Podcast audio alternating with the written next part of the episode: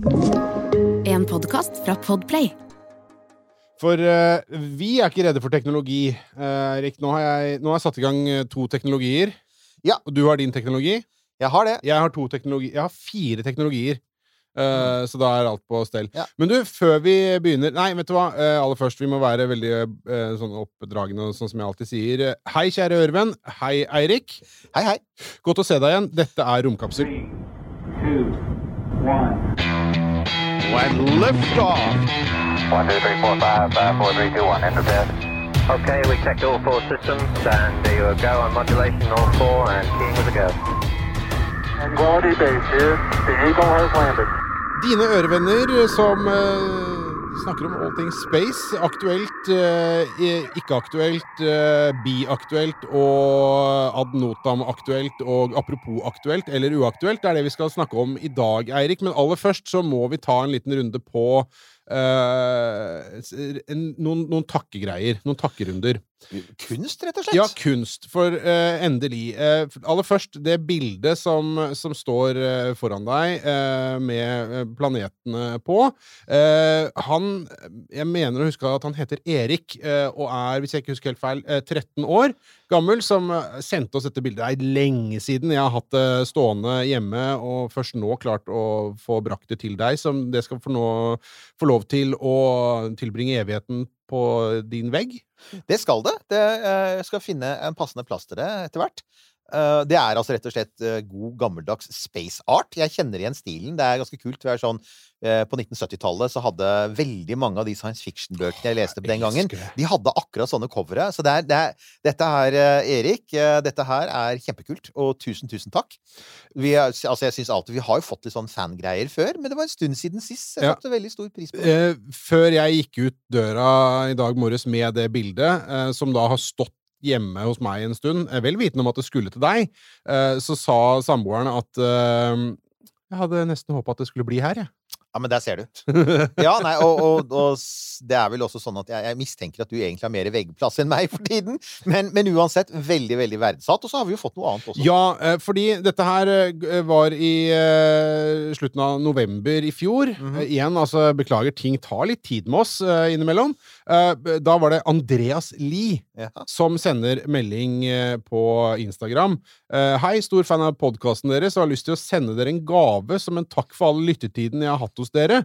Og så skriver han PS, dette er ikke et forsøk på å få shout-out i podka... eh, shout-out, det er sånn når man anerkjenner noen. Vet Jeg har hørt at ungdommene sier de som Ja. er på sånn TikTok og sånn, sier visst da. Ja. ja.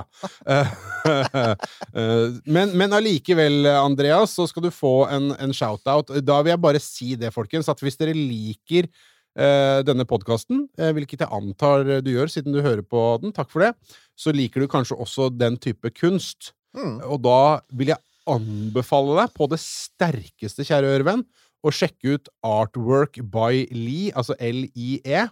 Artwork by Lee på Instagram.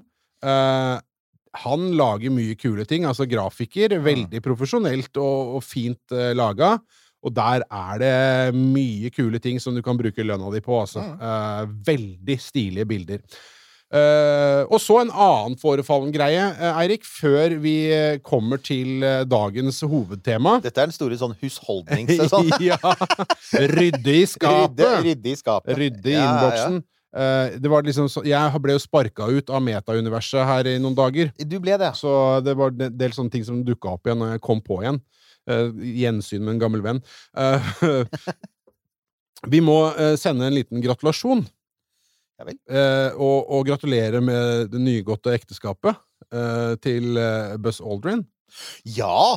Du, som i en alder av hva da, 92 eller noe sånt? 93, 93. fant seg en, en ung dame på 63. Eh, Var, var hun så mye eldre ut? For hun hadde gjort mye Hun hadde kjøpt mye greier i det fjeset. Ja, det hadde hun. Ja, Det hadde hun. Men hun Ja, nei, det var jo interessant, det. Det Ja. var jo altså, det, altså Det var jo Jeg fikk litt sånn derre hva, eh, Anna Nicole Smith-vibber. Ja, altså uten at man kan spekulere for mye. Det har tidligere vært en sak med Buzz Aldrin og, eh, og hans tidligere assistent og barna hans. Det har vært, noen, det har vært en del konflikter der. Okay. Og Ja, det er, stemmer det. Ja, og det er jo ikke helt Det var vel eh, det, det, Altså, når når kjendiser blir veldig gamle, Mm. og det er store økonomiske verdier involvert, for det er det jo også med Buzz Aldrin, selvfølgelig. Han har jo tjent ganske mye penger etter hvert. Så, så skjønner jeg jo at det blir mye spekulasjoner, men, men det virker jo som hun har jobbet sammen med han lenge, og, og igjen, altså Han har jo ikke, han har ikke løpt ut og funnet seg en 20-åring, han har løpt ut og funnet seg en, en godt voksen dame. Ja, Det er bare at fordi at han er så utgammal, for det er han, det kan man si. Han er eldre enn fjellene, så derfor Ja. så blir Det er en aldersforskjell på 30 år, men når du er 93, så blir det Ja, det blir ikke sånn tysk, eh, tysk mage og BMW med 19 år gammel Det er ikke helt det. men Når det er sagt, da, så er det jo også sånn at altså Jeg skulle gjerne ha sett For det har jo vært litt diskusjoner om hvordan det egentlig går med han. For han er veldig gammel. Ja. Uh, og jeg skulle gjerne ha sett noen litt sånn nyere intervjuer med han også nå, fordi at han har en, han har en Twitter-feed, men en Twitter-feed kan skrives av hvem som helst. Ja. Så det skal bli spennende å se. For han, han har jo vært en Vi skal jo ikke glemme Buzz Aldrin har vært en av de som har vært en pådriver for å få litt mer fart i amerikansk romfart. Så han har jo hatt en viktig rolle å spille, mens Neil Armstrong, mens han levde, var veldig sånn lojal NASA-speider. Han, Ja. han sto liksom bak alle Han sto, sto bak i bakgrunnen og var enig. Så har Buzz Aldrin Han har vært litt sånn hellraiser, det vet vi jo. Han har klina til folk og eh, Han har hatt alkoholproblemer og vært åpen om det, så han har vært mye mer Vært litt ekte. ja da, han har, helt klart, han har vært mye mer der ute, og vært en veldig bra aktivist å ha, men det har vært litt sånn stille fra han på aktivistfronten, så jeg, jeg håper jo at det går bra med han, og ønsker ham selvfølgelig lykke til. Selvfølgelig. Ja. Og gratulerer med ekteskapet. Ja. Eh, da kan vi uh, komme til dagens tema. Ja, vi- fordi Ja? Ja, nei, bare fortsett. ja, ok. Ja, takk. Eh, fordi noen ganger så uh, skjer det ting i verdensrommet som uh, ikke alltid er like bra. På romstasjonen så vet vi jo at det til enhver tid er dokka noen livbåter. Det er noen kapsler der som gjør at de kan stikke hvis det går åt skogen. Og så var det vel på tampen av fjoråret at Ja. uh, russerne Ja, de gjorde jo mye rart på tampen av fjoråret og i starten av dette. Kommer de nok sikkert til å fortsette med en stund, dessverre. Men i verdensrommet så begynte det å lekke. De gjorde det 5. desember, var det vel, at eh, Soyuz MS-22, som da har, eh, har tre astronauter om bord, en amerikaner og to eh, russere, eh, den begynte plutselig å lekke, og det var det som lakk ut. Og det var jo veldig tydelig å se av bildene fra romstasjonen, for det er masse kameraer på romstasjonen. Um, det var jo at det spruta ut noe sånn hvitt materiale, og det viste seg å være kjølevæske. Det var kjølevæske fra Og det var kjølevæske fra, fra passasjer, altså rom, selve romkapselen. Um, for, for en Soyuz har jo flere komponenter, men det var det det var. Og, uh, og det var ikke mulig å stoppe den, lekkasjen.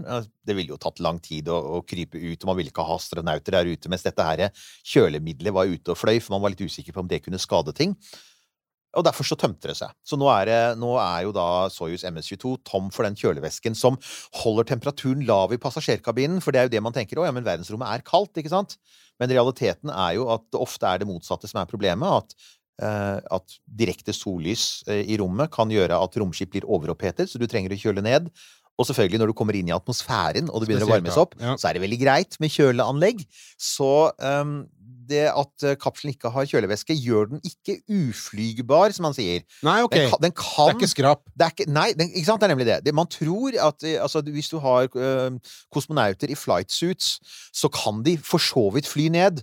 Men det spørsmålet som henger over, er De sier nå at det var en mikrometeoritt som traff den delen av romkapselen som involverer kjøleanlegget. Men spørsmålet er jo hvis den da liksom penetrerte ytterskallet på Soyuzen, gjorde den noe mer? Gjorde den noe som man vil oppdage når du kommer inn i atmosfæren? Så er det sånn Det er Oh, ikke shit! da du skal oppdage det. Ikke sant? Det er, liksom, det er litt som når du Det er liksom veldig mange jeg, Hvis man har sett sånne flyulykkeprogrammer, og jeg har liksom Når jeg skal ut og reise på fly, så ser jeg alltid sånn air, Jeg ser alltid Air Crash Investigation, fordi det er roer meg ned. du det. Og en av de tingene man lærer av det, er jo nettopp det at, at du, du, det er sånn Å ja, den varsellampen begynner å blinke. Ja, men det går bra. Så bare skrur du av varsellampen, og så indikerer det noe mye verre. Ja. Så det man er redd for, er jo også at dette kan indikere mye større skader. Så derfor så skal det ikke de, de skal ikke ned med denne. De, skal jo da, de har jo da sendt opp en eh, Det skal sendes opp en Soyuz til. eh, Soyuz MS-23 skal sendes opp. Um, litt før det var beregnet, og så skal den sendes opp tom i automatisk modus, og så skal de reise Planen er at alle tre skal ned med den til Kasakhstan. ja. Men som en backup-løsning i tilfelle noe går galt, så har man nå flyttet over eh, en del av setet fra Soyuz til Crew Dragon som også er kobla til. Oh, ja. For at Crew Dragon kan jo ta i hvert fall seks passasjerer. Jeg tror opptil sju i, i en knipe. Og den er jo da Den har tre nå, og det er fint plass til fire. Så han, amerikaneren, han vil da Hvis det oppstår en, eh, noe akutt, så kan han fly ned med Crew Dragon, og da vil russerne fly ned med skadde Soyuz og krysse fingrene. ja, ok. Hvis det skulle oppstå en Ja, nødsituasjon, sånn at de Ja, ja, har ja. faktisk nå sånn at Det er ikke sånn at de er sånn totalt i tilfelle Hvis det oppstår en eh, brann eller akutt lekkasje, så er de dømt, liksom. Nei. Eh, alle vil komme seg av gårde med romskip, og eh, amerikaneren vil jo da helt klart Han vil sikkert klare seg bra, for det er ingenting som tyder på at det er feil på Crew Dragon. Mens russerne vil jo da Det vil henge et spørsmålstegn rundt det, for man er ikke 100 sikker på om, om de bare opplever ubehag, eller om de faktisk krasjer. Det er jo da det store spørsmålet. Men ingen, ingen blir eventuelt sittende igjen og snakke med basketballen. De- altså, det Det, det gjør de Nei, ikke! nei, det- det er jo um, Nei, så det vi da Men det som er interessant med det, er at det skjer jo da Det skjer jo samtidig i forbindelse med et 20-årsjubileum. Uh, Ja. Ikke sant? Og det er jo Og det kan vi si at grunnen til at vi tar opp det nå, det er jo blant annet fordi at veldig mange amerikanere snakker om det nå, og de snakker om det ofte litt ved å sammenligne med hva som skjer på romstasjonen nå. For jeg tror vi kan si at så langt virker det som om NASA og Roskosmos de ser ut til at de har håndtert dette ganske bra. Det ser ut som de faktisk har holdt hodet kaldt, og de har lagt planer, og de driver og liksom sånn De sørger for at du, du finner en løsning. Det er vanskelig å løse det på kort varsel, for det er ikke sånn at det står masse romskip klare. Det tar litt tid å få romskip opp i bane, men de har i hvert fall de har planer, og det ser ut som de har gjennomført de planene. Sånn var det jo ikke eh, den 1. februar eh, 2003, da Colombia falt ned, som vi Mm. må snakke litt om i dag. Og den, den er interessant, for den påvirket direkte det, det som skjer i rommet nå. Ble jo påvirket direkte av det som skjedde i kjølvannet av Colombia, fordi at NASA faktisk lærte.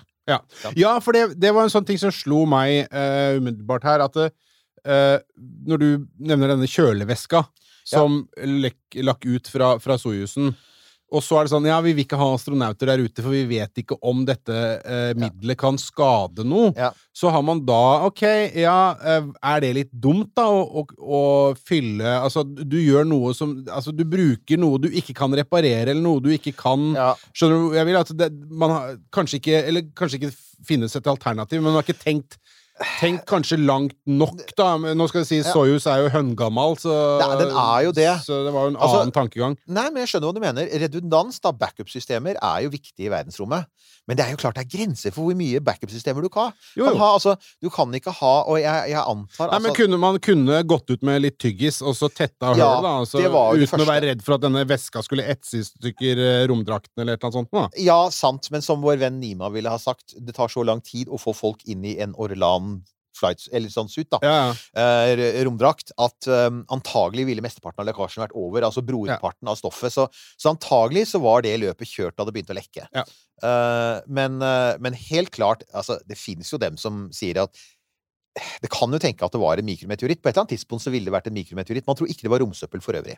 Man tror det var en mikrometeoritt. Eh, og det var liksom sånn basert på profilen og på det man visste av hva som går i bane og slike ting. Det ville jo selvfølgelig vært en skjebnens ironi om det var rester fra den der russiske Om det var russerne selv som skjøt seg i foten.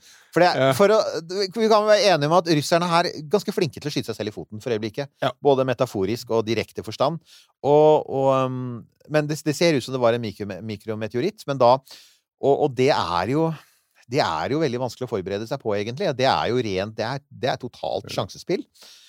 Men, um, men i hvert fall eh, det var jo igjen, det var jo ikke tilfellet med Columbia, for å komme tilbake til den. For det var jo, historien der er jo at det var ikke helt ut av det blå. Dette var jo noe man visste om på forhånd, som en challenger. Eh, og aller først vil jeg si hva eh, Columbia-ferden var. Det var altså, Ferden het STS 107. Den ble skutt opp 16. januar eh, 2003, og her må vi bare som en sånn side note Du har denne litt sånn rare greia med de store amerikanske ulykkene i rommet, at de alle sammen har skjedd innenfor et firedagers tidsrom. Det er jo Oi. ja, Apollo 1 skjedde altså 27. januar 1967. Challenger skjedde 28. januar 1986. Og Columbia 1. februar. Det er de tre store ulykkene i amerikansk romfart. Oi. Og Ja. det, det, er, det er helt tilfeldig, men selvfølgelig konspiranoia-folket der ute er sånn «Woo!» For det Altså, finnes en konspirasjonsteori for alt. Tenker, ja, ja, selvfølgelig. Jeg tenker, Q1 er liksom et dårlig kvartal å skulle drive med romfart. Litt sånn, og så tenker jeg Vent nå litt! Det er det der vi er nå med Soyuz! Så det er sånn Er dette noe? Uh, ja, uansett. Uh, De var da, så de var da oppe De ble skutt opp 16. januar, og det var ca. 16 dager de var i bane. Og dette her det var ikke en ferd til romstasjonen. Romstasjonen var jo i ferd med å bygges da, og, og romferja var jo med på det. Og dette blir jo da viktig for hele greia, fordi dette var Den gikk i en annen bane enn romstasjonen, fordi at man trengte jo ikke å besøke romstasjonen. Man skulle bare drive forskning.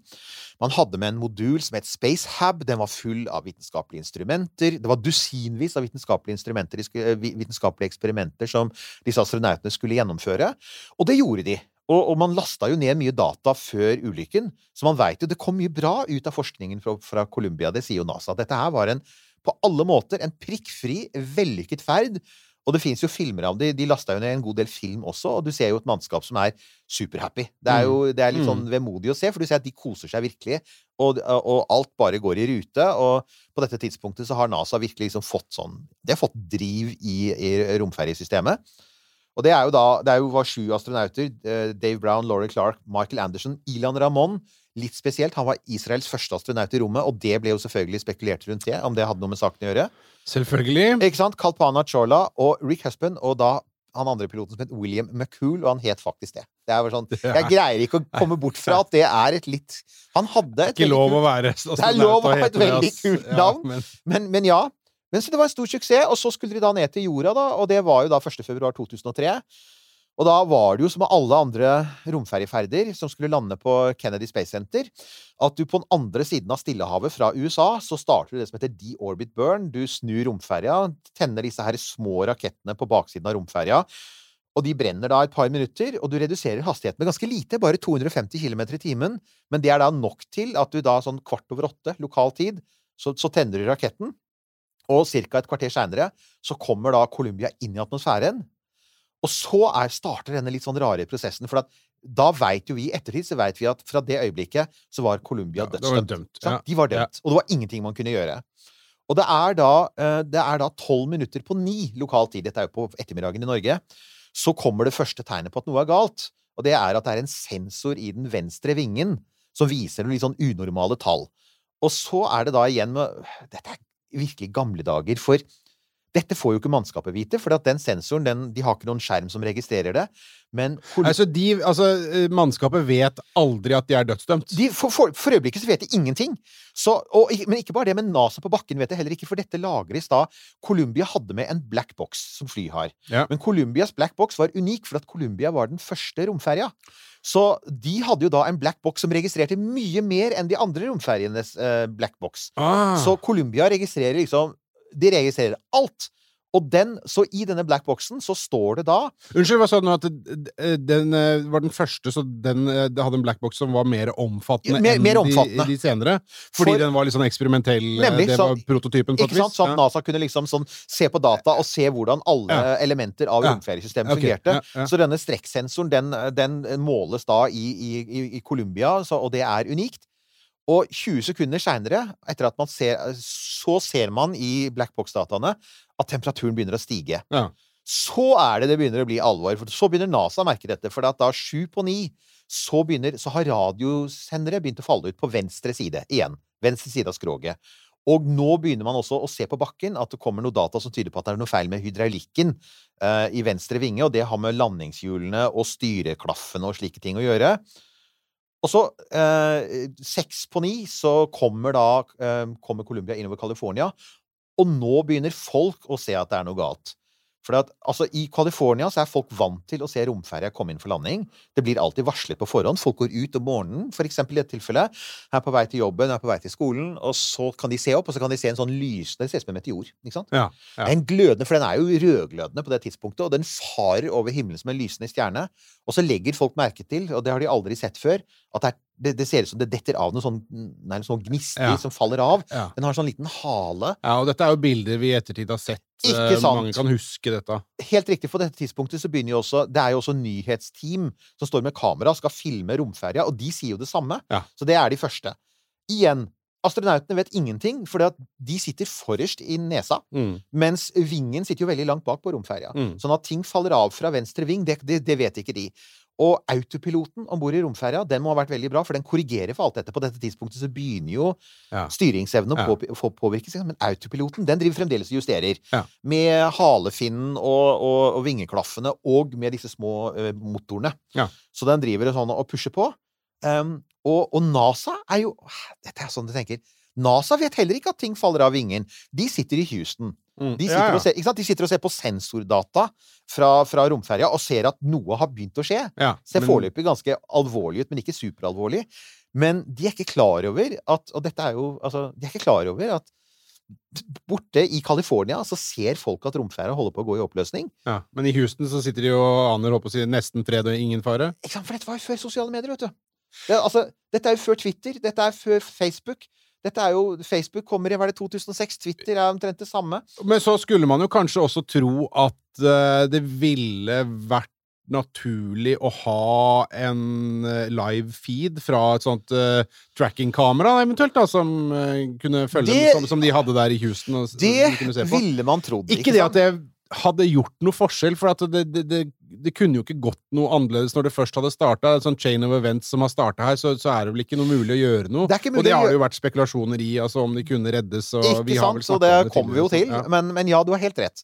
De, de kunne ikke ha gjort noe, men måten NASA håndterte det på, ville jo helt klart ha sett bedre ut. Fordi det som så skjer, da, er altså to minutter på ni. Så er vingen er nå helt smeltet gjennom, er i ferd med å falle av. Mm. Og, folk på bakken Nå er den jo kommet inn over Texas, og folk ser svære biter driver og detter av. Altså, de, ser nå, de ser jo at noe er alvorlig er i ferd med å skje. Fordi de er så innmari høyt oppe, de er fremdeles oppe nesten i verdensrommet, så klarer denne autopiloten fremdeles å faktisk holde eh, Columbia sånn på noenlunde sånn rett kurs. Og igjen, det er ingenting som tyder på at mannskapet vet noe. Ja. Det er 08.58,40, altså 1 minutt og 20 sekunder på 9. Da viser displayet i Columbia for første gang at det er noe feil. Og det du da får melding om, det er at det er eh, trykket i landingshjulet på venstre side at det er noe feil med det. Det vi vet, altså nå i ettertid vet, er at det er fordi at landingshjulet på dette punktet er smelta. Ja. Og, og vingen er i ferd med å falle av, så det er selvfølgelig ikke noe rart at du får feil på trykket. Men pilotene, de er ikke klar over det. Så uh, Rick Husband og, og, og Bill McCool, de skjønner nå at noe er alvorlig galt, fordi hvis trykket i landingshjulet Altså hvis, du ikke, hvis et av landingshjula ikke fungerer, så kan du faktisk ikke lande, for den romferja er et glidefly, men det er jo som en murstein. Ja. Så alle landingshjula må fungere perfekt, og, og gjør det ikke det, så er planen Dette var noe de lærte etter Challenger, eller innførte etter Challenger, så er planen at de skal komme høyt inn over Kennedy Space Center. Så skal astronautene hoppe ut i fallskjerm og bare la romferja glidefly og dumpes i Atlanterhavet. Ja. For den kan ikke landes. Så det de, da antagelig deres første tanke nå er Shit, vi må sette i gang De har bare ti minutter på seg til å fikse dette her. Vi må nå begynne å sette i gang prosedyren for å forberede oss på fallskjermhopp. ikke sant? 1202. Ja, ok, så på dette tidspunktet så, så er de i en sånn fart på en måte at det hadde latt seg gjøre. Ja da, for at? De, de tenker jo fremdeles, fordi at romferja er fremdeles på sånn noenlunde rett kurs. Ja. De har nok begynt å merke at det rister litt i den, at den, for den forsøker å kompensere for dette her at den går i oppløsning. Um, men det er altså da uh, altså 1 minutt og 20 sekunder på Og, og den, de neste sånn De neste 50 sekundene så, så vil jo da se flere feilmeldinger dukke opp, men fremdeles er nok tanken om bord i romferja fra pilotene Fremdeles er nok tanken at ok, vi har et landingshjulproblem. Hvordan skal vi sette i gang den prosedyren? Og så er det da et halvt minutt på ni, så, så, så mister eh, Houston radiokontakt med Columbia. Ja. Og, og så er det man veit, da, for det kan man også se på bilder fra bakken, at så begynner jo da, Nå svikter all hydraulikk. Ferjen begynner å spinne raskt rundt. Det er en såkalt flat spin, hvor liksom sånn den ligger i horisontalen. Ja. Og man tror at det har vært i hvert fall 3G. altså de har da vært, Astronautene har da blitt klemt Altså de har jo da, Fordi den har spint rundt sin egen akse, rundt sentrum, så er jo de blitt dratt med kroppen ut av selene. Det de ville ha kjent det som de blir dratt ut av selene. Uh, og fem sekunder over ni, det er de siste blackbox-dataene vi har, viser at Rick Husband han trykker på en bryter for å få hydraulikken til å starte igjen, så de er fremdeles i live. Eh, 18 sekunder over ni, så går romferja i oppløsning. Det ser man fra bakken, og da får du ikke lenger noe data til svart boks. Og et halvt minutt over ni, så rives passasjerkabinen opp. Da, da snurrer altså romferja går i oppløsning, den snurrer rundt, og passasjerkabinen, som fremdeles er intakt og har lufttrykk, den kolliderer da med andre deler av romferja. Går, den går tom for luft, og de fleste astronautene hadde ikke rukket å felle ned visiret på Så det er antagelig da de mister bevisstheten, og de omkommer noen sekunder seinere. Og hvis, det ikke med, e, hvis ikke det skjer da, så skjer det i løpet av noen sekunder etterpå, for da er de nå eksponert for De flyr i 15 000 km i timen.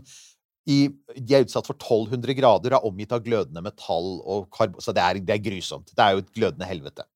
Så de, de er helt garantert døde innen ett minutt over ni. Det, det, det mener man jo. Ja, men er det ikke der det har vært noen spekulasjoner i hvorvidt de kanskje overlevde det, og, og, og faktisk var i live det de traff vannet? Nei, det er, det er, det er Challenger. Det er Challenger, Og unnskyld. det, Ja, ja. Men det er helt riktig. Challenger var I Challenger så tror man jo at mange av astronautene var bevisste, eller i hvert fall var i live, men kan ha vært bevisste i to minutter mens de faller fra 30 km høyde og faller Ja. mot bakken, som er en, også en horribel tanke.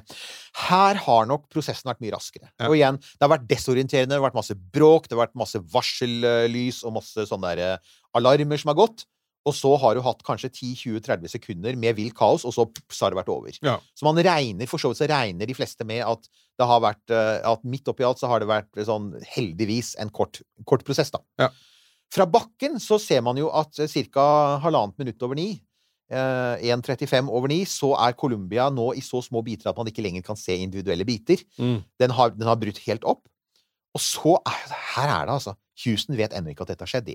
Så i mer enn ti minutter så fortsetter de. Og de, den filmen ligger der ute, og den er ganske sterk, altså. Når de prøver å få radiokontakt, ja. Og så ser du Ja. at de snakker med hverandre, og de prøver å finne en slags forklaring. Ja. Tolv minutter over ni så er det en ansatt i Mission Control som blir ringt opp av noen som sier dere er klar over at alle nyhetene nå snakker om at Colombia Columbia er gått i oppløsning? Og da er det de sier Det, det er liksom deres er oh shit-øyeblikk. ja. Uh, så, og så er det da at delene fra Colombia fortsetter å dale ned over det østlige Texas og det vestlige Louisiana. Og det fortsetter til eh, fem over halv ti daler de siste bitene ned. Og jeg leste, jeg leste en bok om eh, redningsprosessen etterpå, altså hvordan man ryddet opp etterpå. For jeg syns det hørtes interessant ut, og det var jo det. Og de forteller jo da hvordan dette ble opplevd fra bakkenivå, da. Og en ting var de som hadde sett den gå i oppløsning, men en annen ting var de helt vanlige sånn innbyggerne i Texas og Louisiana som sånn Ja, igjen, de er på vei til jobben eller til skolen, og så Mm. hører de et sånn dumt drønn ute i bakgården sin, og så går de ut, og der finner de en sånn svær bit av romferja, ikke sant? Ja. Og, og flere blir jo nesten truffet. Det er jo to som omkommer under letingen, som er om bord i et helikopter. Heldigvis så ble ingen som var på bakken, truffet, fordi midt oppi alt, det var litt hell i uhell. For det første, eh, romferja passerte rett sør for um, uh, Dallas-Fort Worth-området, som er svært, ikke Ja, sant? ja, ja. Det er et kjempeområde med millioner av innbyggere. De passerte sør for det. Og mesteparten av, av denne her skuren av fragmenter falt ned i det østlige Texas, som er ganske tynt befolka, og vestlige Louisiana, som også er ganske langt unna storbyer. Hadde romferja begynt å gå i oppløsning to minutter seinere, så hadde store deler av romferja falt ned rett over New Orleans, faktisk, for den pekte rett mot New Orleans. Ja. Så igjen, man var heldig. Man slapp, man slapp i, midt oppi alt sammen, så slapp man ganske billig unna. Men selvfølgelig, da, da har romferja falt ned i det, noe av det mest ulendte terrenget i USA. Det er sumpmark. Ja, Det er? Det er det er sånn- ja, Det er alligatorer og slanger, og det er, det er mye s- krattskog. Altså, Det er jo den delen av Det er dueling banjos og ah, ja. ja, massevis av hillbillies som man uh, må passe seg for. Og det var jo Det er jo fælt å si, men det var jo litt sånn Det var jo en del ganske skruppelløse folk som løp ut i hagen eller i bakgården eller eh, til sitt uh, whiskydestilleri og tok med seg bilder av Tok med seg biter av Colombia Columbia og gikk rett på eBay for å selge dem. Det slo jo NASA ned på, så de ga jo folk et amnesti og sa dette er jo offentlig, dette er jo offentlig eiendom, så de sa at det, det, det har dere ikke lov til å selge. Eh, og, og dere kommer til å både få bøter og havne i fengsel om dere fortsetter med dette. Så de ga dem et amnesti, tror jeg, på et par dager. ja. Kom, lever, lever det inn, ja. Og kom ja. og lever det inn, ikke sant? Og hvis ikke, så kommer vi og tar dere. ja. Og de fleste ga seg jo da. Men eh, Men et Men- lite mom, eh, et liten, liten bit å ha på peishylla jeg, for kan vel hende. Jeg, Jeg tror du ikke det at rundt om i det Rundt om på gårdene i det østlige Texas så mistenker jeg at det er noen sånne peishyller med en liten bit av Jeg vil anta at det er det. Eh, det. Tross alt eh, så vil jeg tro at det er eh, noen biter som eh, står rundt forbi, ja. For det var jo, det, det, var jo det, det har man jo ikke snakket så mye om, men dette var jo den største leteaksjonen i USAs Altså lete- og redningsaksjonen i USAs historie. Det var, oh, ja. det var flere hundre kvadratkilometer med ødemark som måtte gjennomsøkes. Det var eh, hundrevis, hvis ikke tusenvis, av, av Det var militære, det var politi, det var frivillige, det var helikopter, det var sånn derre eh, sånn mudderbåter. ikke sant? Altså, de, gjorde, de brukte jo alt. De, brukte, de hadde selvfølgelig hundesøk, for de hadde jo sju astronauter som de ville ha tak i levningene til. Ja, selvfølgelig. Og de fant jo levninger etter alle. Det gjorde De de. gjorde det, ja. De gjorde ja. faktisk det. Men eh, hva med Har de funnet Fant de alle bitene, og så fant de hoved, altså de fleste bitene av romferga? De fant 38 en, en, altså en, Ikke mer, nei. Nei, ikke mer. Resten er altså rett og slett Det er klart, mye brant rett og slett opp. Ja. Sånn at sånn lettere materiale brant antagelig opp, for det var jo glødende. Og så var det mye som rett og slett bare er blitt borte. Og som hvis man går i de områdene i dag, så vil jeg tro at man kan fremdeles finne biter. Ligger nede i sumper. og Ligger sånn nede i sumper som verden småbiter. De store bitene tror, er nok i all hovedsak funnet. Men um, det var altså 85 000 deler som ble funnet. Oi. De lette i fire måneder gjennom krattskogen og myrene. Fant 85 000 biter. Alle sammen ble fraktet til Kennedy Space Center, og der måtte du da de måtte, Alt måtte rengjøres, fordi at når romferja er oppe i rommet, når den har brukt opp brennstoffet i boosterne og hovedtanken, så har den disse smårakettene. De smårakettene bruker sånn eh, hyp hypergolisk brennstoff. ja, det som kineserne også er så glad i Ja, å dumpe på folk. Ja, og som vi har snakket om før, dette er Ja. veldig giftig. Ja. Så det var, jo, eh, det var jo faktisk en av brennstofftankene fra Columbia falt jo ned og var intakt. Den overlevde ned til bakken intakt. Oi. Og den lå jo der som en sånn stor kule full av hypergolisk brennstoff. Og som NASA sa, liksom ikke gå i nærheten av det, for at det kan du faktisk dø av. Så det, man, det, det var jo så nyttig å kunne si til folk og si hvis du ser noe fra, hvis du ser noe du tror er fra Colombia på bakken, ikke gå nær det, for det kan faktisk være kontaminert med, eh, med, med brennstoff, og, og det vil ikke du eller ungene dine komme i nærheten av. Så det var også ganske effektivt. Da. Ja. Alt ble fraktet til Kennedy Space Center og eh, renset og tagget og satt sammen som etter flyulykker i et sånt svært puslespill. Ja.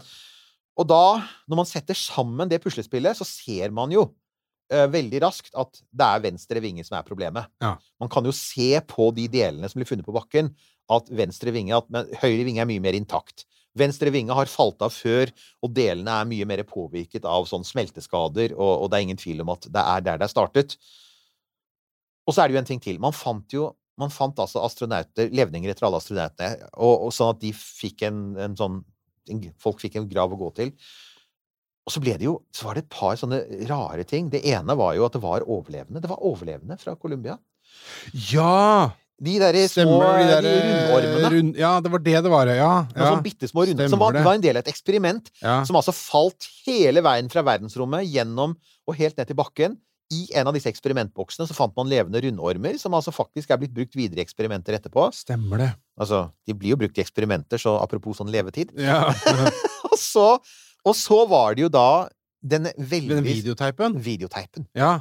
Og det er, det er igjen nesten litt sånn for rart til å være sant, men det ble altså da en av astronautene har et videokamera og filmer prosessen fra de tenner uh, retrorakettene og til de kommer i når du, Stemmer og, og sitter de, sånn- og du, det er, den, altså, Eerie timestamp å ha det der, altså. ja, altså. veldig. Og man kan da faktisk Den ligger på YouTube, og da kan man faktisk se astronautene pludrer med hverandre, og du kan se at det gløder utenfor eh, eh, vinduene, og det stopper fire minutter før ulykken. Og det, det du da vet som seer, er at på det tidspunktet så er allerede vingene i ferd med å gå helt i oppløsning, Mm. men de vet det ennå ikke. Og så har det selvfølgelig Så sier jo NASA at uh, tapen er brent av. Jeg mener, de sier at de er brent, tapen er brent av der. Det er ikke det at man slutter å recorde, men tapen er, er, er kuttet av der fordi at den var, den var svidd av. Og så er det selvfølgelig igjen konspirasjonsfolka som sier Ja. Er den Nei, eh, det? fins en teip. Ja. Eh, det fins de siste fire minuttene av eh, The Truth Is Out There. Ja. De siste fire minuttene er der ute. Jeg, det er umulig for oss å si. Det jeg kan si, er at jeg, i så fall så er jeg bare glad for at ikke man ser det, for jeg vil tippe at de siste minuttene av Colombia er eh, ganske harrowing, og helt klart ikke noe som de pårørende skal behøve å ha der ute. For det er nok bare panikk og skriking og forferdelig å tenke på, egentlig. Ja. Så Og så fikk man en granskingskommisjon, som man hadde etter eh, Som seg hør og bør. det var jo én ting med den granskingskommisjonen. Den var, for det første så var det en NASA-granskingskommisjon. Den ble nedsatt av NASA-sjefen 90 minutter etter ulykken. Og det høres ut Ja, så fint de snudde seg fort rundt. Og så er det sånn Jo, men vent nå litt. Det er NASA som undersøker seg selv. seg selv ja. Ja, det er det. Og, Men det, har- det har det vel vært opp gjennom alltid, har det ikke det? At eh, Mm. når NASA skal granskes, så er det NASA sjøl som skal granske seg sjøl? ja, og det er egentlig litt synd, fordi at uh, jeg tenker at dette er et sånt eksempel på at NTSB, som alle vi som ser flykrasjvideoer, er- vet hva NTSB er, National Transportation Safety Board, det er, det er, eh, det er flyhavarikommisjonen i USA. Jeg tenker at det hadde kanskje vært en idé å ha en egen sånn derre space eh. Eh, Kanskje særlig med tanke på at det skal flys mye mer i rommet etter hvert. Hvis Elon Musk får vilja si, så tror jeg vi kan komme til å trenge det. For det blir, da skal det bli masse flygninger, og da vil det jo skje ulykker. Og da vil, man, da vil det jo bli for dumt om det er de som Altså, ja. Ja, altså, det, man kan kanskje finne læringspunkter, men du vil jo aldri finne Eller finne de mest graverende feilene Nei. når man gransker seg sjøl. Man finner noe for Det er litt sånn CV-skrivning. Hva er du dårlig på? Ja. nå skal du høre, jeg er for pliktoppfyllende, jeg. Det som, er litt, det som er litt tragisk med hele greia, er at i likhet med Challenger, hvor det veldig fort ble ganske åpenbart hva det var, det, hva det var som hadde vært Altså at i Challengers tilfelle så var det temperatur, og det var disse O-ringene. Og dette var et velkjent problem som NASA hadde visst om i årevis, og som de hadde forsøkt å holde hemmelig. Så blir det jo litt repetisjon av historien, da. For at, altså, her, her, altså, En ting er at man ser av selve skroget at venstre finger var skadet. Man ser av sensordataene før eh, den faller ned, at, at det er noe galt som skjer i venstre vinge. Men det verste av alt er at dette visste jo NASA veldig raskt, fordi man filmet jo etter Challenger, var man veldig nøye med å filme romferdenes romferjenes oppskyting. Launchen, ja. ja Launchen da, i veldig høy oppløsning. ja, hvis jeg husker riktig her nå Det man i ettertid da har fått se på denne filmen, er at under launchen så er det en bit som brekker av fra eh, Den store brennstofftanken. den store tanken, ja, og treffer en av disse flisene. Sant? Så, så, og skader den flisa. Ja. Eh, og dette må de jo da ha visst om i 16 dager, Helt riktig. Og bare kryssa fingra og Ja. på å håpe at det går, går sikkert bra. Ikke sant? For det man gjorde, var at man tok film av hele greia. Dagen etter oppskyting, når romferja er trygt opp i rommet, så setter det da analytikere setter seg ned, og de ser på det, og ser at 82 sekunder inn i filmen, så ser de, som du sier, det faller en bit av den store eksterne brennstofftanken. Den er dekket av et isolasjonsmateriale, for at den inneholder jo flytende hydrogen og oksygen, som skal holdes kjølende på eh, nedkjølt på opp, oppskytingsplattformen. Så den trenger isolasjonsmateriale, ellers vil du miste altfor mye brennstoff under tanking. Og det isolasjonsmaterialet skal være lett, det er isoporaktig, det er sprøytet på, og det har jo vært det har alltid falt av biter. Man kan se på mange eh, romferjeoppskytinger at det faller isfragmenter og, og sånne isopor, for det er isoporlignende. Ja. Isoporfragmenter faller av denne tanken, og, og i en del tilfeller det også treffer undersiden av romferja. Dette er jo en sånn dette er jo en designsvakhet ved romferja. At den mest sårbare delen av ferja vender magen inn mot den biten som mister flest fragmenter under oppskyting. Og dette er jo sånn Mulig å påstå, ja. ikke sant? Ja, og som veldig mange sier at den, den løsningen på det hadde jo selvfølgelig vært å plassere romferja oppå. For da hadde man hatt det samme som alle andre raketter, med at ikke det er et problem at den Ja, faller av, for du, ja. du treffer ikke noe.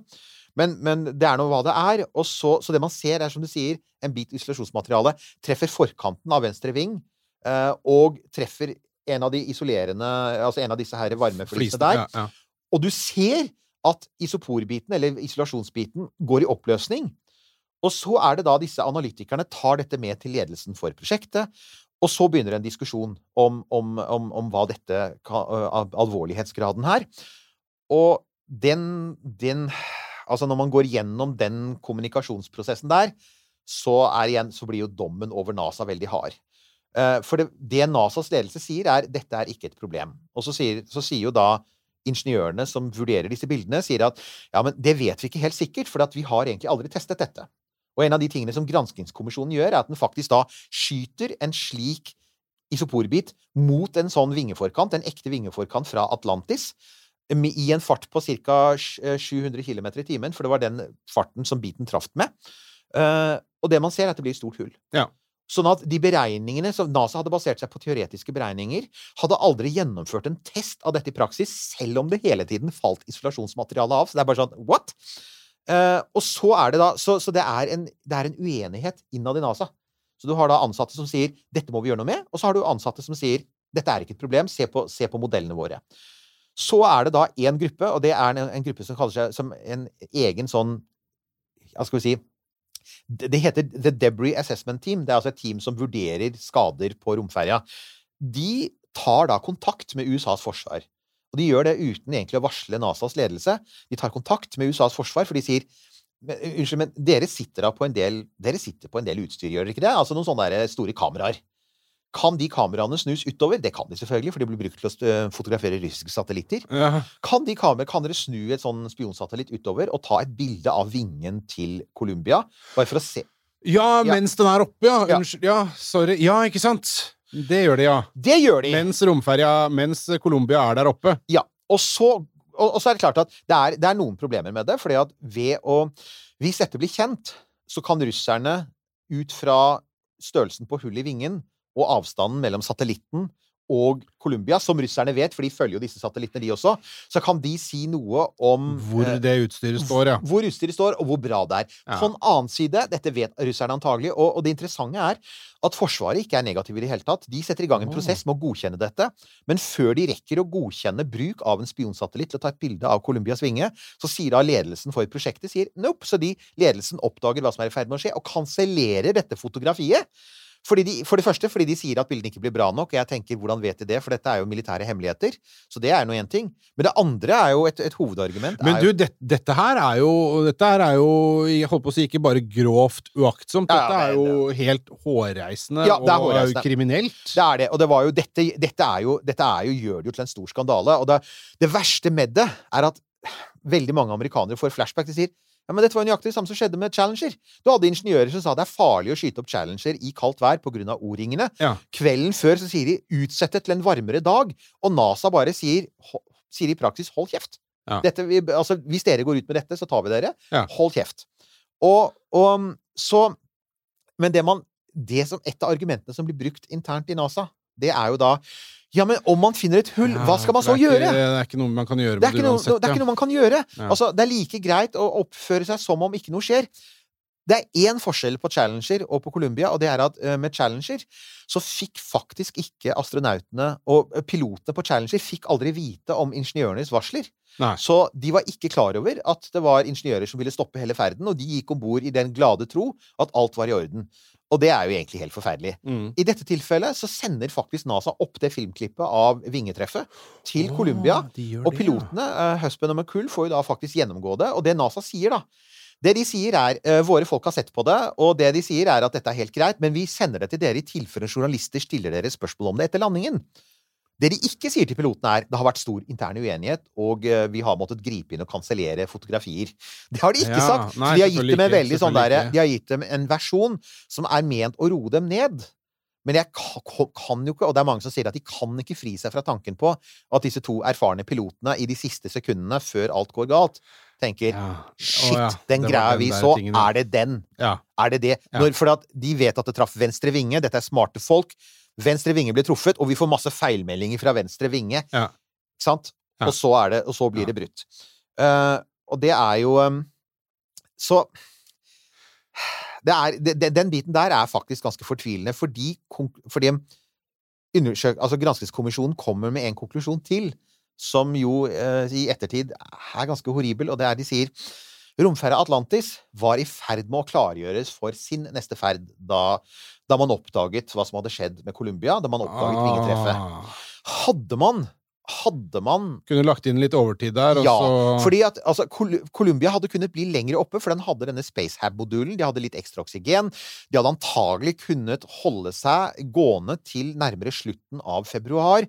Det hadde gitt Atlantis god nok tid til å bli forberedt, og da kunne man sendt opp et sånt såkalt skeleton crew, altså bare to, pass, to piloter, med eh, EVA-utstyr og ekstra oksygen-canisters, og redda dem. Og det er, så kommisjonen konkluderer jo med at dette her kunne ha vært mulig.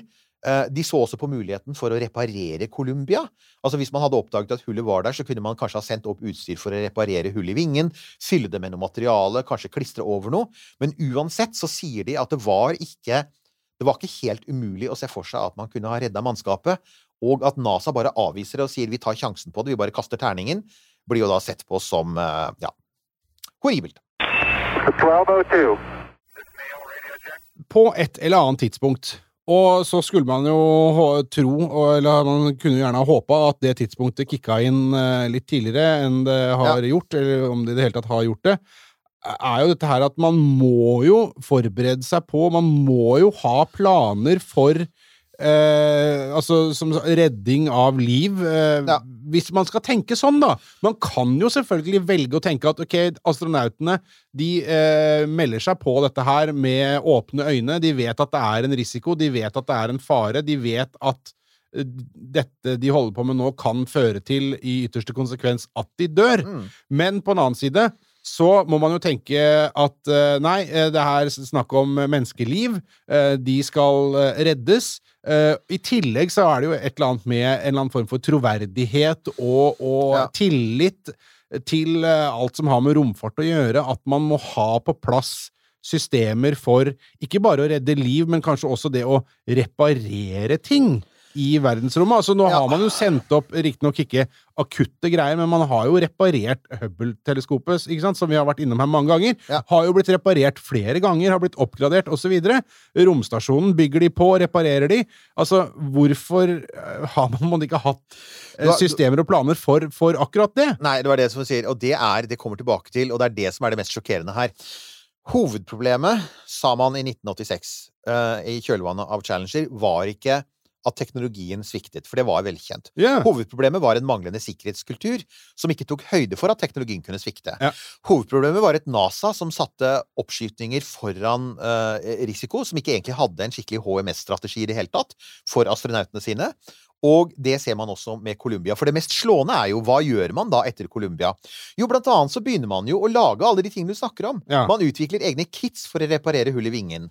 Man får prosedyrer for å sjekke eh, skjoldet, varmeskjoldet, for feil når det er i rommet, ikke sant? ja. Og ikke minst, et, altså et av de viktigste grepene man gjør, bortsett fra at man selvfølgelig redesigner Uh, isolasjonsmaterialet på den eksterne tanken, sånn at, man, sånn at ikke så store biter skal falle av, selv om de fortsatte å gjøre det, da. Ja. Men det viktigste grepet man gjør, er jo at etter denne ferden så er det kun i forbindelse med romstasjonen at, at, eh, at um, romferjer skytes opp for at de skal kunne ha et sted å søke tilflukt. ja. For igjen, i, i, i, forbin- i, i forbindelse med Columbia 2003 så var det en ren forskningsferd. Eh, man skjøt da man skjøt da Colombia opp i det som er den enkleste og billigste banen, fra den greieste banen sånn rent energimessig fra, fra Cape Canaveral, hvilket si 28-29 graders hellingsvinkel i forhold til ekvator. For det er, det, det er fordi at Cape Canaveral ligger på 29 grader nord, og det er det man da gjør. Eh, mens romstasjonen, den går jo i 51 graders vinkel i forhold til ekvator, for at den er Romstasjonen er jo basert på behovene fra Baikonur, fordi at russiske soyuzer kan ikke fly lavere ned. Så, så romstasjonen og romferja var i vidt forskjellig banevinkel, og å skifte banevinkel koster fryktelig mye brennstoff, så det Ja. var umulig. Ja. Så, de, så, så når folk sier ja, men kunne de ikke ha dratt til romstasjonen, beklager, det kunne de ikke, for det var teknisk umulig. Så det da NASA gjør etter dette, er at de, i praksis er det alle alle romferjeferder etter det går til romstasjonen. Da har du muligheten til å legge eh, og, og da har du, altså En av de prosedyrene de innfører, er at rom, romferja viser magen til eh, fotografen om bord i romstasjonen, og de kan da bare ta et bilde og sende bildet ned til bakken og si 'her er et bilde av varmeskjoldet'. ikke sant? Ja. Og så har jo også romstasjonen robotarmer, og du har eh, EVA-drakter, så du har alle mulighetene både til å se, undersøke, fikse og eventuelt gi opp romferja, bare styrte den ned og hente opp en ny. Og før noen da legger inn i kommentarfeltet, det er helt riktig, det er én ferd som skiller seg fra det, og det er ferden til Mike Massimino. Han snakket om det. Det var den ene fordi de skulle opp til Hubble, og Hubble går i et annet baneplan enn romstasjonen. Så var den unik, og der var de der Han snakket jo om det, at der, var de, der hadde de jo en standby-romferje klar. I tilfelle, for at de visste at eh, når, du har, når du skulle sende opp til romstasjonen, så var det ikke så kritisk. For at Gikk noe galt, så kunne du alltid bare ha dem på romstasjonen ja, og vente. og vente til du rakk å sende opp en ny romferje. Men i tilfelle Columbia, fordi at romstasjonen hadde jo veldig begrensa Nei, romferja hadde veldig begrensa tid i rommet. Det var sånn 16 dager var stort sett maks. Så da måtte du ha en I forbindelse med Massimino sin sånn Hubble-reparasjonsferd, så måtte du ha en standby på bakken. Eh, Men det var, det, det var unntaket. Etter det så, så, man, så brukes romfer, romferja kun til romstasjonen. Den bygger store deler av romstasjonen og gjør en nyttig jobb der. Og så begynner den politiske prosessen med å fase ut romferja. For da skjønner jo også Kongressen, og ikke minst skjønner presidenten, Bush da i det tilfellet, han skjønner at dette må stoppes. Så i 2004, året etter, så, sier han jo, så setter han jo en sluttstrek og sier innen 2010 så skal vi ikke lenger fly romferja, og da skal vi ha Vi skal ha et nytt Uh, Vi skal ha et nytt romskip. En ny romkapsel. Ja! Den skal da hete Crew Exploration Vehicle. Lot vente på seg. Ja, det kan si at hvis dere ikke har, eh, dere ikke har Dere føler at dere ikke egentlig har sett noe Crew Exploration Vehicle-fly, så er det helt sant. For det skjedde aldri. Eh, altså, det skal sies. Eh, Bush eh, og Kongressen satte i gang noen prosjekter. De satte i gang en prosjekt som het Ares. Som var forløperen for SLS. Altså Det var sånn å bygge en stor rakett Ja. som skulle til, etter hvert til Mars. Det ble satt i gang arbeid med å bygge en ny romkapsel, men når Obama kommer inn i dette gamet eh, i 2008 og setter ned en egen kommisjon som het Augustin-kommisjonen for å se på hvordan det var gått med erstatningen for romferja, så konstaterte de at det var helt på det ville. Det var, altså, alt var forsinket, alt var langt over tid. Det var ingen som trodde at dette her ville bli ferdig i tide. Er det den Vi har vel sett noen bilder av, eh, av den, eller noen sånne sketsjes av den derre Crew Exploration Vehicle, har vi ikke det? Som, som lign- Altså som er en større versjon av den der militære deltavingeaktige greia? Ja, nei, ja det, altså, du, har- det var jo flere modeller de drev og jobba med der. Eh, det de endte opp med, var vel at det som ble Crew Exploration Vehicle, morfa etter hvert og ble til det som i dag er Orion, så vidt jeg, har- vidt ja, jeg- ok. så vidt jeg Ja okay. Og Orion-kapselen fins jo, den har jo nettopp fløyet Ja, månen. ja, ja. Men, men den var jo sterkt forsinket og altfor dyr, og, og store deler av den måtte Som leveres alt, av europeerne. Som alt Nato gjorde på den tiden, for å være helt ærlig. Romferja fortsatte å fly til 2011, og så hadde den jo sin siste ferd. Men på det tidspunktet så fantes altså det fantes ikke noe Crew Exploration Vehicle, og, og det er da Det er jo på den tiden at Obama sier, vet du Det, det vi gir opp. Altså NASA skal slutte å bygge romkapsler. Mm. Vi overlater helt til de private. Vi innfører en ny ordning med privatisering av uh, en mye, mer, altså en mye større privatisering. Private selskaper hadde jo alltid bygd ting for NASA. Men dette her var en mye mer sånn direkte privatisering. Det har jo vist seg at det kanskje er en mer farbar modell. Ja. For at i det tidspunktet, og, og sånn rundt 2008-2009, så er det en del private selskaper som, eh, som legger inn anbud. Og så er det ett selskap som vi får jo si mer eller mindre tilfeldig, for at det kunne jo blitt noen av de andre, men det er ett selskap som lykkes med raketten sin, og det er eh, SpaceX. Og, og det var jo på hengende håret. Altså, de fikk jo, det har jo Musk snakket om flere ganger, altså at de fikk jo denne bevilgningen fra NASA. Sånn, sånn, nærmest sånn timer før alt var i ferd med å krasje. Alt Ja. var i ferd med å gå konkurs. Så kommer telefonen fra NASA som sier vet du hva, dere skal få noen milliarder for å bygge for å bygge både en rakett og for å bygge kapsler som skal sende opp forsyninger til romferja. Og etter hvert så får de også, eh, får de også en bemannet kapselkontrakt. Og, så du kan si at alt vi ser i dag som SpaceX hylles for, er der jo av NASA-penger. Ja. ja. det at de lander førstetrinnet og, og gjenbruker det, er jo SpaceX-teknologi, men hadde jo aldri vært mulig uten at NASA hadde helt klart betalt det i Det har jeg egentlig aldri tenkt over og vært klar over, tror jeg, at, at eh, NASA-midler har vært så avgjørende for eh, utviklingen av eh, SpaceX. Altså, det er jo de som påpeker at SpaceX og Tesla er jo to av de største mottakerne av offentlig støtte i, i, blant teknologiselskaper i nyere tid. Og at den store forskjellen på SpaceX og Tesla og Twitter er at den amerikanske regjeringen har ikke tenkt å gi Elon Musk noe penger for å drive Twitter. har de ikke? De har ikke tenkt det, av en eller annen merkelig grunn. Men, men, eh, men, men det ble nå en suksess, og man har Crew Dragon, og det har, det har vist seg å være en veldig god satsing. Så det var, jo, det var jo en av de tingene som Obama gjorde, som i ettertid har vist seg å være en smart ting. Og det er jo bra, for nå er vi der, som sagt. Vi er der igjen, da. Vi har disse her stranda. Det er da Sergej Prokofjev, Prokopjev, Dmitriv Petelin og Francisco Rubio, den amerikanske astronauten, som da er De er litt sånn stranda. De er jo det. Eh, men Altså, Sjansen for at det går noe veldig alvorlig galt på romstasjonen, er selvfølgelig liten. De har god sikkerhetskultur. Det har de. Og ikke minst, nå veit vi at uh, fram til Altså, Soyuz MS-23 skal skytes opp i løpet av februar, og skal returnere med, etter planen, med disse tre den 20. februar. Ja. Uh, i, og, og igjen, blir det krise før, så kan altså russerne fly ned i en litt for varm kapsel. Ja. Men jeg syns det var så fascinerende bare det at de har bare tatt og flytta et sete, satt over et sete. Ja! Jeg syns bare det er litt sånn uh, kult, det, Ja, da- med alt som er så innmari Egon Olsen og timeout-rettelagt uh, Ja, i verdensrommet. er Altså, bare, en, en- en av våre utmerkede lyttere påpekte altså, at det var jo litt kult! Altså, det de sa Det de sier, at det er ikke hele setet, det er det såkalte seat lining. Og det er altså, jeg har, så vidt jeg For at det er jo en del av setet som er som er formet etter uh, Ja, astronautens størrelse. Ja. Og den har de da flyttet fra Og det, det, det er en ganske komplisert prosess. De, de brukte vel en dag på det. Og flyttet den fra Soyuz og over i Crew Dragon. Så det er da uh, Det er jo han eh, Rubio sin seatlining som nå er festet i et, et setefeste i setefeste nummer fire i Crew Dragon. Men, men du har helt rett, de må jo ha en standard der. Så dette har de jo tenkt på. Altså, for at russerne skal kunne Altså, man har jo felles dokkingsystemer. Man har, man har, har jo felles luftsystemer. Man har jo separate typer romdrakter, så de kan ikke byttes ut med hverandre sånn uten videre.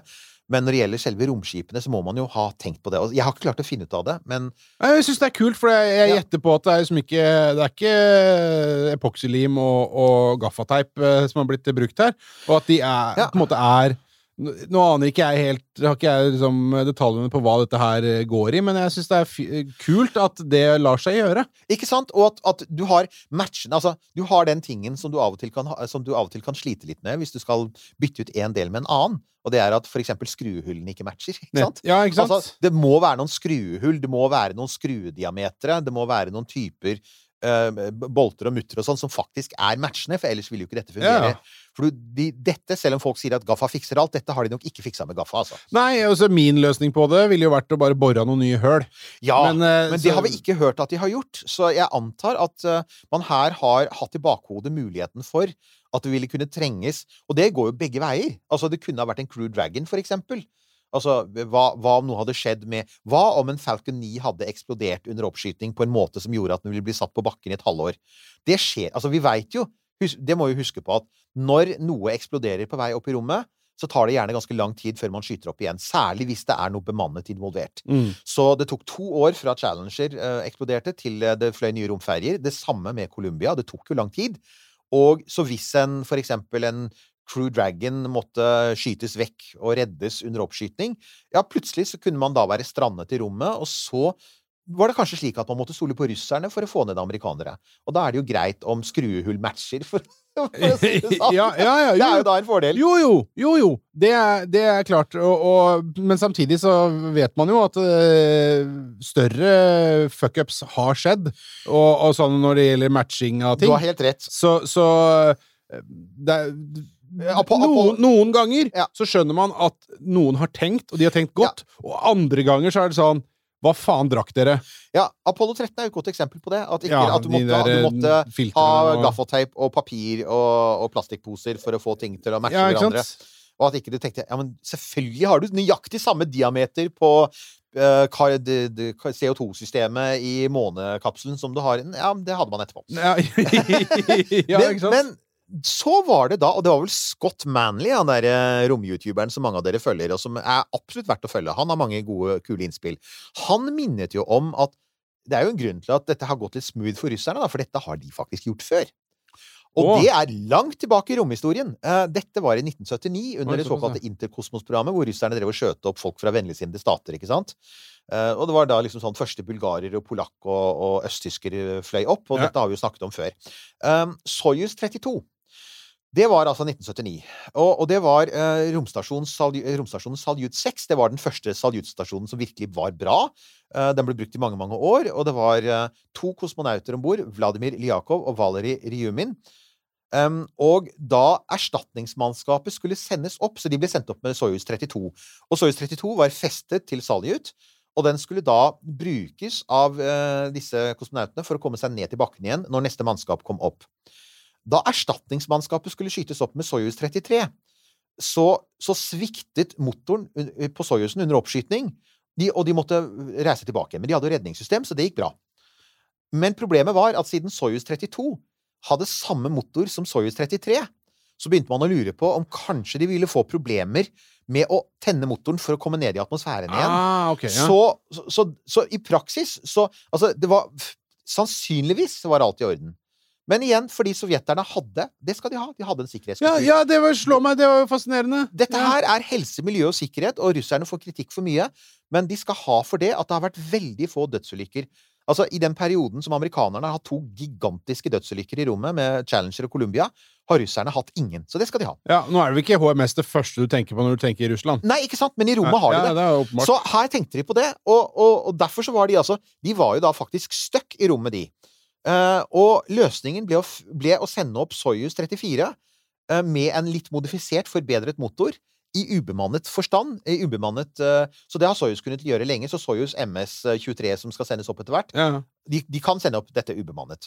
Og den ankommer da 9.6.1979, og så sender man da ned Så har man da en fungerende romkapsel, og så sender man Soyuz 32 ned til Kasakhstan. Og tenker ja ja, vi bør jo ikke trashe den, vi kan jo se om den funker. Og den var da full av eksperimenter og film. Og det viste seg da at heldigvis, eh, den fungerte perfekt. Ja. Så det var Det hadde ikke vært nødvendig, men bedre føre var. Igjen, god HMS. Du vet ikke helt sikkert, du tar ikke den sjansen. Så Soyuz eh, 34, som, da, eh, som hadde dokket automatisk, den er jo da dokket til Sa- Sa- til 19. august. Og først da returnerer Lyakov og Ryumen til, til jorda. Og takket, delvis takket være dette, da, så har de satt ny rekord i opphold i verdensrommet. 175 dager. Ja. Så det var jo de, eh, Og den, den sto jo en god stund. Og en sånn liten fun fact her, her er jo at de to ferdene som da måtte skyves på, Soyuz 33 og Soyuz 34, det var da sånne interkosmosferder med Bulgarias og Ungarns første kosmonauter. Så de kom opp i rommet litt seinere som følge av det. Så, Mm. så ja, russerne har vært der før. Og det de skal gjøre nå, burde da være ren rutine for dem. Dette her, så vi, jeg har stor tro på at dette går helt greit, for å si det sånn. Jeg skal ikke skjønne noe annet enn at dette her, altså Soyuz er et pålitelig romskip. Eh, sannsynligheten for at MS-23 også har trøbbel, er veldig liten. Skulle det skje, så ser vi på en mer interessant kjøp. ja, ja. Har vi to Soyuz-kapsler med tekniske problemer, da må man begynne å tenke, som enkelte har foreslått, kan SpaceX skyte opp en ekstra kapsel på kort varsel? Ja, ja.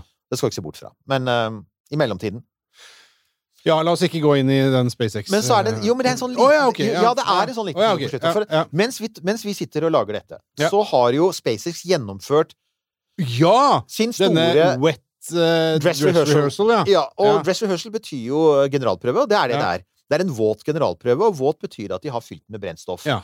Denne gangen har de fylt begge komponentene av Starship og Super Heavy til toppen med brennstoff. Ja. Og eh, de av oss som liker sånn, vi hadde da eh, Det var vel NASA Spaceflight. De har jo sånne kameraer. De har jo 18 kameraer, eh, og de er i praksis er jo de blitt markedsføringskanalen til SpaceX. Ja, men det er sant, altså. De er, de er litt sånn eh, SpaceX-fans, for å si det slik. Og sitt og se på at tanker fylles, det er Ja. Jeg hadde på i bakgrunnen. jeg. Ja, ja, det du kunne se da var, det var ganske fascinerende, for når du fyller på dette kryogeniske brennstoffet i eh, Texas-klima, som er eh, ganske fuktig Ja. Det var ganske fuktig. Da legger det seg frost. Ja, ja. Så du kan jo se på frosten på utsiden av skipet. Ja, så du kan se hvordan det fylles opp. Og det var jo som å se maling tørke, men det var innmari kul maling, da. Men det, det var en vellykket ferd, og nå vet vi at Test. tankene Vellykket test. Vellykket test, unnskyld. Eh, og nå vet man for det første at man kan fylle opp tankene. Man vet hvor lang tid det tar. Man vet at eh, Det er da altså, noe. Det er 4000 4500 tonn med brennstoff. Det er fryktelig mye som skal fylles i ganske tynne metallrør. Ja. Alt ser ut til å ha gått bra, i hvert fall som vi vet. Ja. Uh, så det betyr at vi er antagelig nærmere nå en oppskyting, og den gleder vi oss til! Åh. Den blir jo spektakulær. Oi, oi. oi. Men det er en stor parentes bemerket her, og det er Vi veit jo at det første året eller noe sånt nå, så vil Starship gå ubemannet. Mm, Men ja, ja. det skal være bemannet, og det er blant annet fordi at det skal lande på månen. Ja, ja. Lunar Starship. Så det er ingen tvil om at på et eller annet tidspunkt så skal altså Starship human rates. Av NASA, vil jeg merke. Ikke, altså, en ting er hva SpaceX gjør, de kan gjøre hva de vil. ja, ja. Men NASA, som skal ha folk på månen, må også kunne human rate det. Og den biten der henger det fremdeles et så stort spørsmålstegn ved, fordi at Elon Musk har vært så uklar når det gjelder redningssystemer. Og det er en det er, Og er det bare det han har vært uklar? eh, ja, det er en del annet. Eh, Men det er, han har både sagt og ikke sagt. Altså Først så sa han nei, dette skal bli like trygt som et passasjerfly, så vi behøver ikke redningssystemer. Da vil mange si at det sa man om romferje også. Ja. og vi så åssen det gikk. How's that working out for you? Uh, men også så er det dette med å ha en HMS-strategi. Vi får Eh, vente og se den dagen eh, Elon Musk dukker opp på Boca Chica med en redningsvest eller en hjelm på seg. For han liker jo å være sånn propsmann Ja. som har med seg Ja, for det, det, du har jo. Altså, det er en del likhetstrekk. Det er en del likhetstrekk med med, med romferja og med, med Starship. Det er jo det. Selv om det er en sånn del teknologiske ulikheter, så er det en del likhetstrekk. Så for eksempel, eh, du har en ekstremt stor og kraftig booster som, hvis den eksploderer, kan ta med seg Starship i eksplosjonen. Eh, og fordi at hvis eksplosjonen kommer, så kan den skje så fort, så rekker ikke Starship å komme seg unna, og den har ingen mulighet til å myklande hvis for eksempel den, hvis den nederste delen av Starship blir skadd i eksplosjonen, der hvor motorene sitter. Mhm. Så lander den jo på motorene sine, så da er, da er mannskapet døde. Så du har, ikke, du har jo ikke noe redningssystem for å trekke Starship vekk i tide, i hvert fall ikke foreløpig. De snakker om kanskje å kunne starte opp motorene, men det får vi nå se. Men, men kanskje mer alvorlig er Columbia-scenarioet, som er du kommer inn i atmosfæren. Ja. Eh, og, og så er det noe galt Altså det kan være noe galt med varmeflisene, for de har jo faktisk slike løse varme... Altså de har sånn pålimte varmefliser, Ja. som, eller festa varmefliser, og, og, og vi vet at en del av de flisene har falt av under test på bakken. Så det gjenstår å se.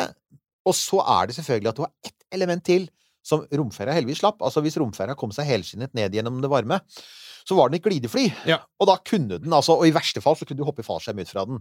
Mens Det er ikke Starship. Starship har den der i flippen på slutten, Ja. som er veldig kul! Ja. Men du skal tenne motorene Altså, ting skal fungere perfekt!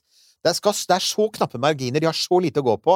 Det er den biten der jeg tror kan bli en skummel ting, altså. Ja, Hvis ikke så blir det en eh, spektakulær, ganske tragisk bellyflop av dimensjoner der, altså. Ikke sant? Og det som er, for, det som er interessant for oss eh, romnerder, er jo ikke bare altså potensialet som ligger i at det kan altså at det, det, altså det er ferdig med at du kan få en ekstra ulykke, men også konsekvensen av det. Ja. Fordi igjen så hører du sånn jo, jo, men altså, dette er som et passasjerfly, og passasjerfly kan være ganske raskt på vingene etterpå dersom noe skjer.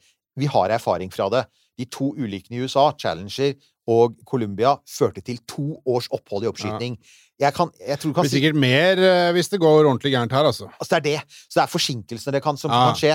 For det vi veit, er at eh, altså, du kan ikke, uansett hvordan du vrir og vender på det, du kan ikke sammenligne romfart med luftfart. Jeg har alltid reagert på det. Neil- Elon Musk har jo snakket om at ja, nei, Starship skal bli som en uh, jumbojet 747 for rommet. Yeah, right. Jo, men yeah. Space is hard. Det er det man sier det av en grunn. Og det handler ikke bare om at teknologien er umoden, det handler om at det er, det er så ekstreme forhold. Og det er, det, du, det er en av de tingene du skjønner når du leser hvordan Columbia gikk i oppløsning. Alle disse kilometerne over bakken og denne enorme hastigheten. Og du skjønner at dette ligner jo ikke på noen flyulykke. Det er noe helt annet. Og toleransegrensen er mye strammere, og konsekvensen av selv den minste lille feil er så utrolig mye større. Ja. Og det er liksom den biten der som bekymrer meg, med den litt sånn derre Litt sånn nonsjalante holdningen til at ja, nei, men dette blir som et fly, og det skal nok gå bra. Og det er klart det er veldig mange fans der ute som sier det samme, men så har vi virkeligheten som alltid gjør seg påminnet hvis man blir uforsiktig. Så det blir spennende å se. Så først nå så skal vi se den fly opp, og det tror jeg blir gøy. Og jeg, de har testet den så mye at jeg faktisk nå har tro på at dette kommer til å gå bra. Ja, fordi, vet du hva, jeg satt og tenkte jeg, Jo, vet du hva, jeg satt og tenkte en tanke i uh, huet mitt her nå, og det var jo det at uh, En stacka Saturn 5 Ja. Så vidt meg Det kan hende jeg tar feil her nå, men den det eksploderte aldri.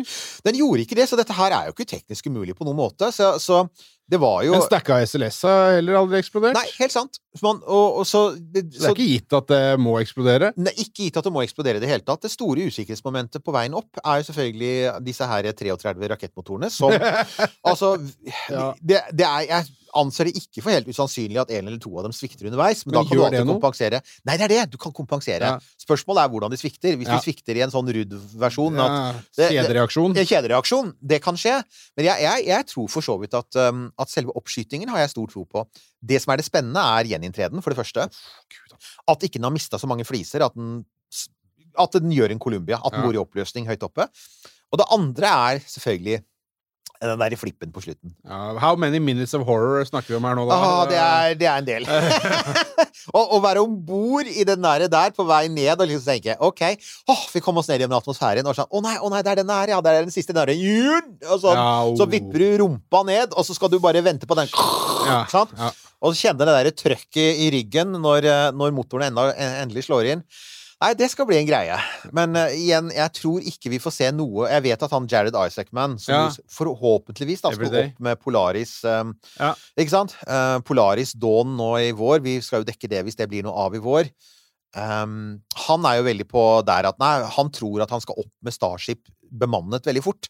Ja. Uh, jeg har veldig liten tro på det. Skal vel skyte det opp uh, noen ganger uh, uten folk for å se at det er Ja.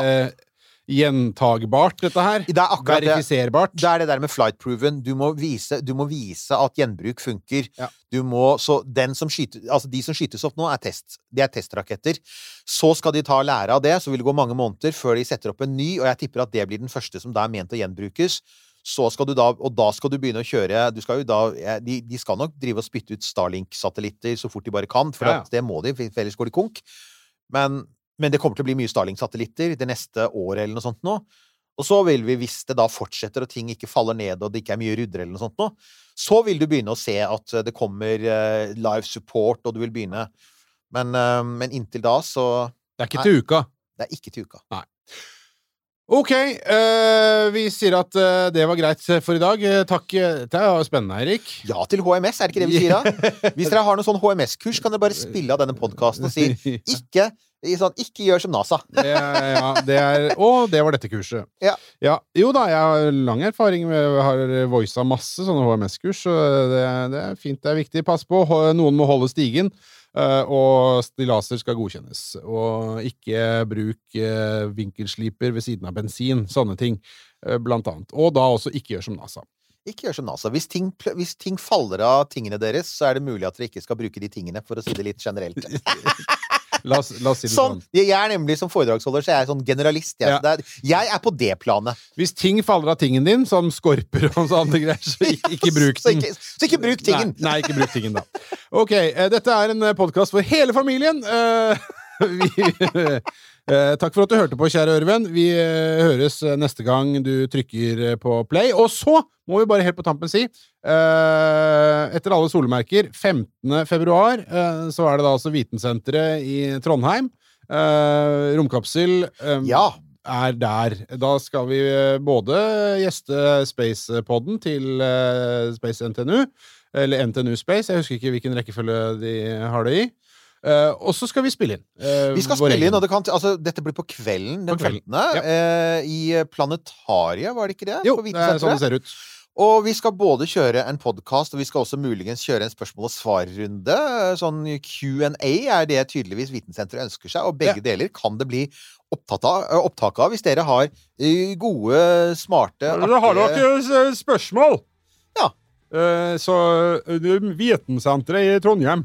Ikke sant? Altså, Takk for meg. Beklager. Nei, nei, men altså, jeg hadde tenkt å si noe om barter i vektløshet, Ja, ja, ja. men du har gjort det allerede. Uh, ja. Uh, snakkes da. Ha det! Du har hørt en podkast fra Podplay. En enklere måte å høre podkast på. Last ned appen Podplay, eller se podplay.no. Velkommen til Kjemperådet! Vi har fått inn et kjempekleint problem fra Trine Lure 22. Ok. Jeg leser De to andre i kollektivet mitt har begynt å date, og jeg syns det er veldig kleint når vi skal se på TV sammen, og de bare skal kline. Ok, ja, Hvordan skal hun løse dette? Siden Trine Lure er under 30, får hun jo ubegrenset data fra Telenor fra 399 kroner. Da Da kan hun sette seg på sitt eget rom, streame så mye hun vil på mobilen. Ja, hun kan jo se på nye mobilabonnement på telenor.no. Ja, det er lurt.